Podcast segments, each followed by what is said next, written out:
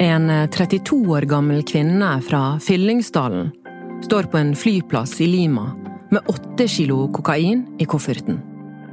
Etter tre måneder i Perus hovedstad er hun sliten og veldig klar for å komme hjem. Året er 1999. Dette er hennes historie, slik hun husker den.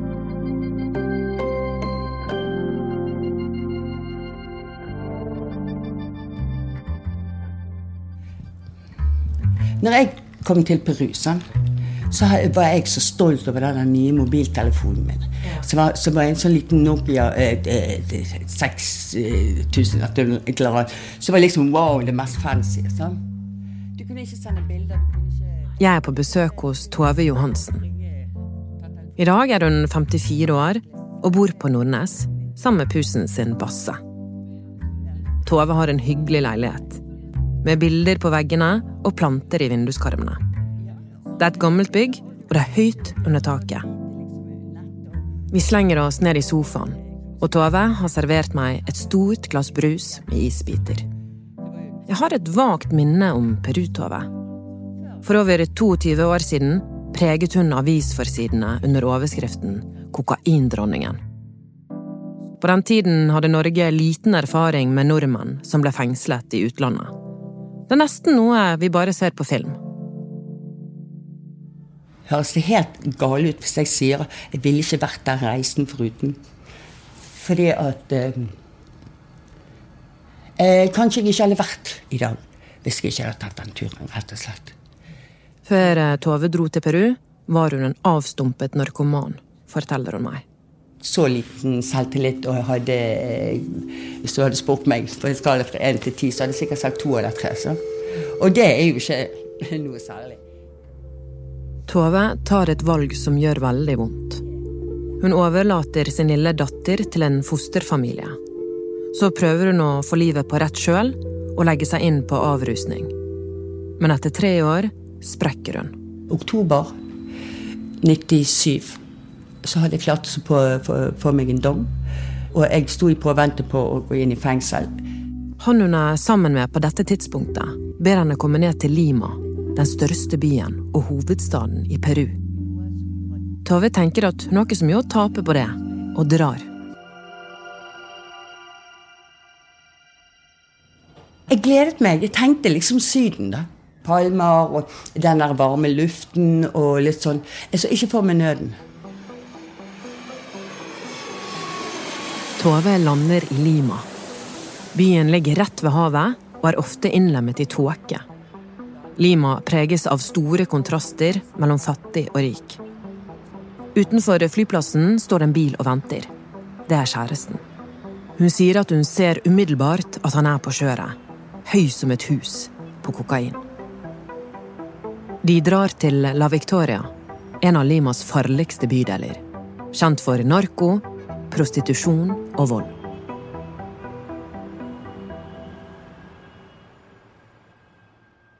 Luktene og lydene, altså den der Det er jo en puls i luften. Altså, det er noe med at en ser det at der som de har veldig mye sol, der har de veldig mye sjel. En fyr hun omtaler som mafioso, gir de et sted de kan sove. De er ruset på kokain så å si hele tiden. Drømmen om Syden kan knapt virke fjerde nede. Altså, det var to sementvegger med, med tak opp, altså en åpen garasje. Jeg visste ikke om morgenen om jeg fikk vasket meg i løpet av dagen, eller om jeg måtte gå i sjøen. For der var ikke det do, eller det var ikke noe kloakkanlegg, eller noe sånt, sånt, så du måtte liksom prøve å gå lengst mulig vekk og finne deg et eller annet sted. Eh, men når du er i tropisk varme, og, og det, det, lukter menneskeavføring rett ved siden av der eh, du skal ligge sånn. Tove er utslitt. Etter tre måneder vil hun bare hjem. Selv om en treårsdom venter på henne i Norge. Men så skjer det noe uventet. Hun forteller at kjæresten blir arrestert og deportert ut av landet. Tove står igjen alene, blakk og fortvilet. Alt hun har, er sitt eget pass. Ekskonen til kjæresten sier hun kan hjelpe. Hun skal skaffe kokain som Tove skal ta med seg til Norge. Og det skal bli Toves billett hjem. Tove forteller at hun nekter i flere dager. Men til slutt så ser hun ikke noen annen utvei. Jeg hadde da sett nok. Mye jævelskap. Jeg har bodd eh, akkurat som du ser disse som bor under en bro. Og skammen blir større og større. Ekskonen til kjæresten og andre langere overleverer kofferten som Tove skal frakte.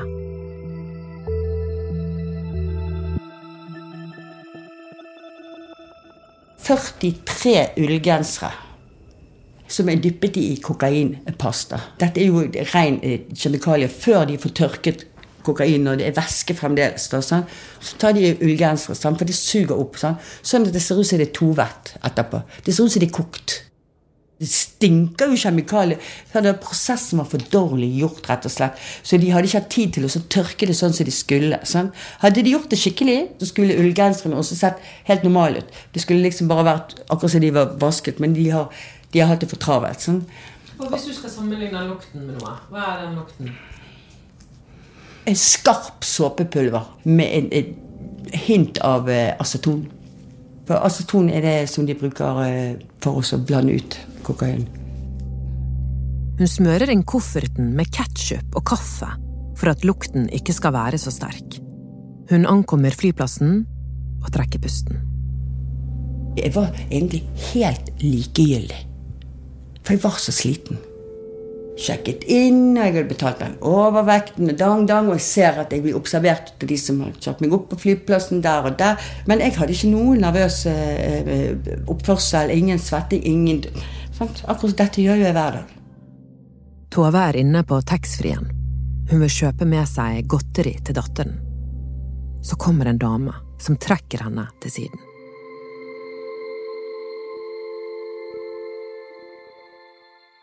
Senjala Tove Johansen. Da bare begynte jeg å flire. Og, og komme inn på det der bakrommet, der ligger kofferten der, og hun begynner å skrike. Og jeg skjønner jo ingenting. sant? Politiet avhører Tove. Jeg kunne ikke bli redd, for da eh, hadde jeg knukket. Rett og slett. Kort tid etter sitter Tove på et åpent lasteplan gjennom rushtrafikken i Lima. Jeg begynte å le helt hysterisk. Og da tenkte jeg, kjære Gud, jeg er så glad min mor ikke ser dette, for dette er jo helt galskap. Sant?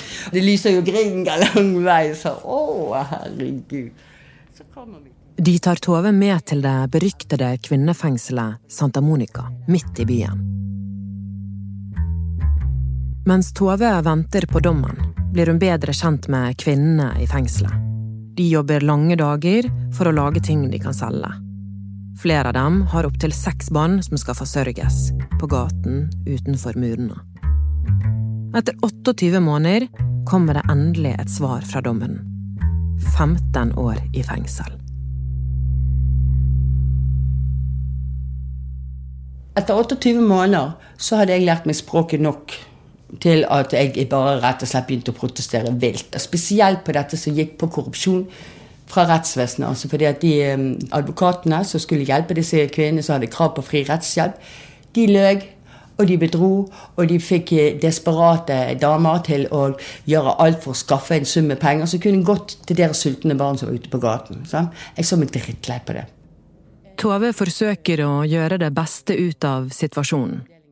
Hun forteller at hun og en nyinnsatt får på plass nye besøksregler i fengselet. Hun blir populær blant damene, men ikke hos fengselsledelsen. På et tidspunkt finner de en tom kokainpose i vesken hennes. Straffen ble hullet. Det er en sementbunker på to ganger tre meter med jordgulv. Sånt hull. Det, er dosen min. Så det er fuktig. Sånn. Så er det madrass og det er ingen vinduer. Så er det en, en taklampe, en lyspære, som ligger sånn blipp, blipp, blipp, blipp. Første natten så kjenner jeg bare noe mykt, altså levende, som, på foten min. Så jeg sparker til, bare sånn refleks, og så hører jeg pip. Der ser hun. Jævla råtten. Like stor som en katt. sant? Men du vet, de kom opp ifra doen.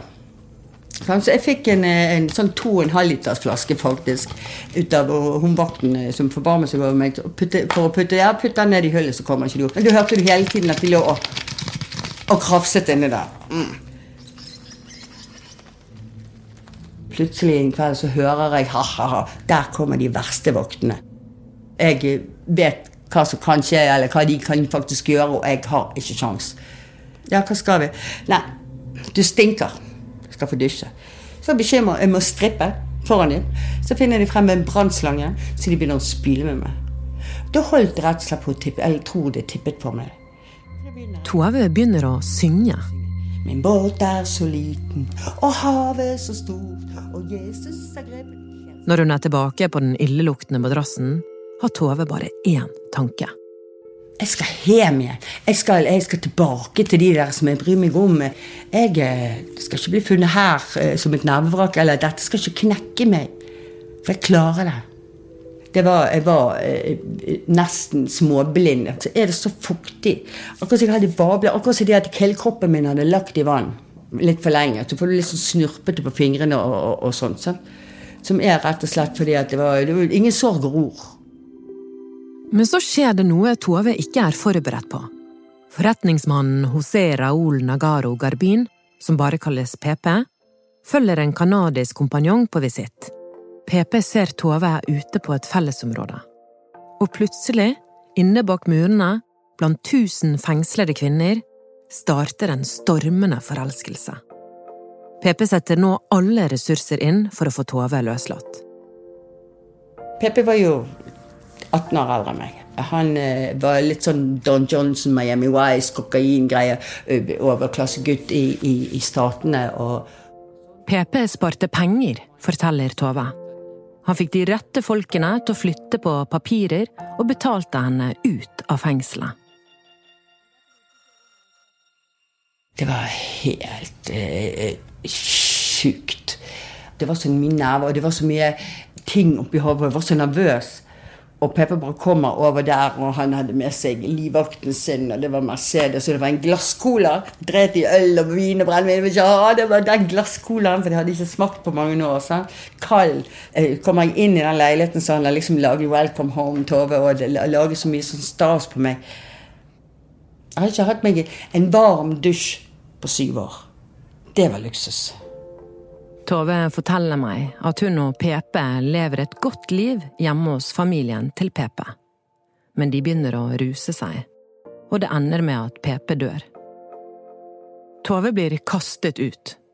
Hun er fortsatt prøveløslatt og har ikke lov å dra fra landet.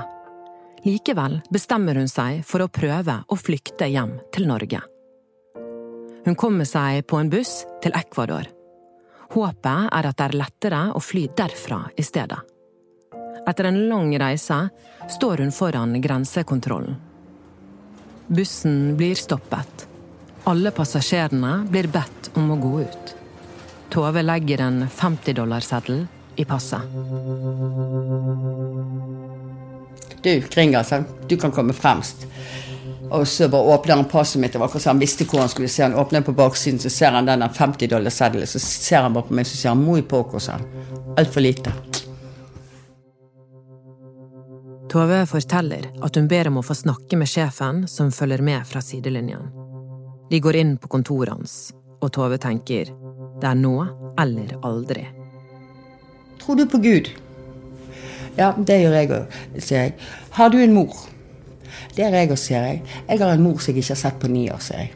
Så spør jeg igjen har du barn. Ja, jeg har en datter som jeg ikke har sett siden hun var seks år gammel. Hun fyller 16 om to uker, sier jeg.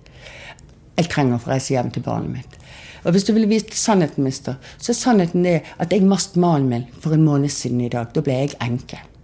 Sannheten det er det at jeg har sittet syv år fengslet i landet ditt, mister seg. Og sannheten er det at jeg eh, har lidd nok i ditt land. Synes ikke du det? Tove blir sluppet inn i Ecuador og kommer seg på et fly til Norge. Nå skal hun endelig kjenne norsk jord under beina igjen. Når jeg kommer til Bergen, så står brødrene mine og min far der. Og jeg har ikke sett de mine kjære brødre de, og de to nye de, nevøene mine. Så, og det regner også så lett som bergensregn. Og den lukten, sant? den friske, deilige norske lukten eh, Nydelig. altså Det var helt fantastisk. Og det jeg ville ha til middag, det var fiskeboller i hvitsos.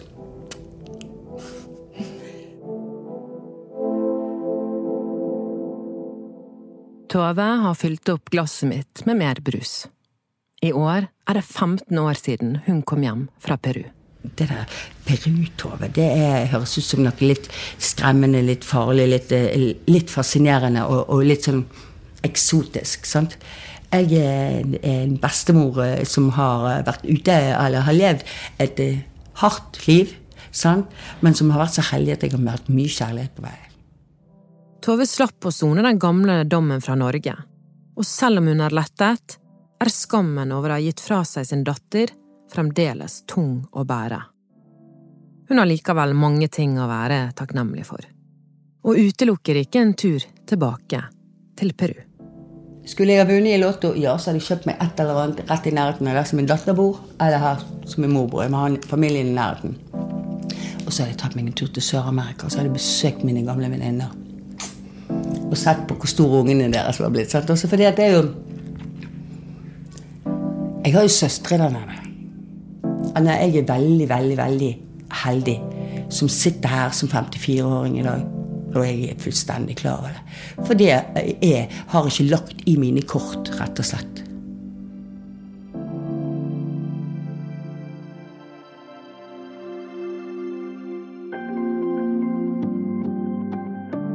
Denne episoden er laget av Anna Offstad, Arve Stigen, Henrik Svanevik og meg, Anna Magnus.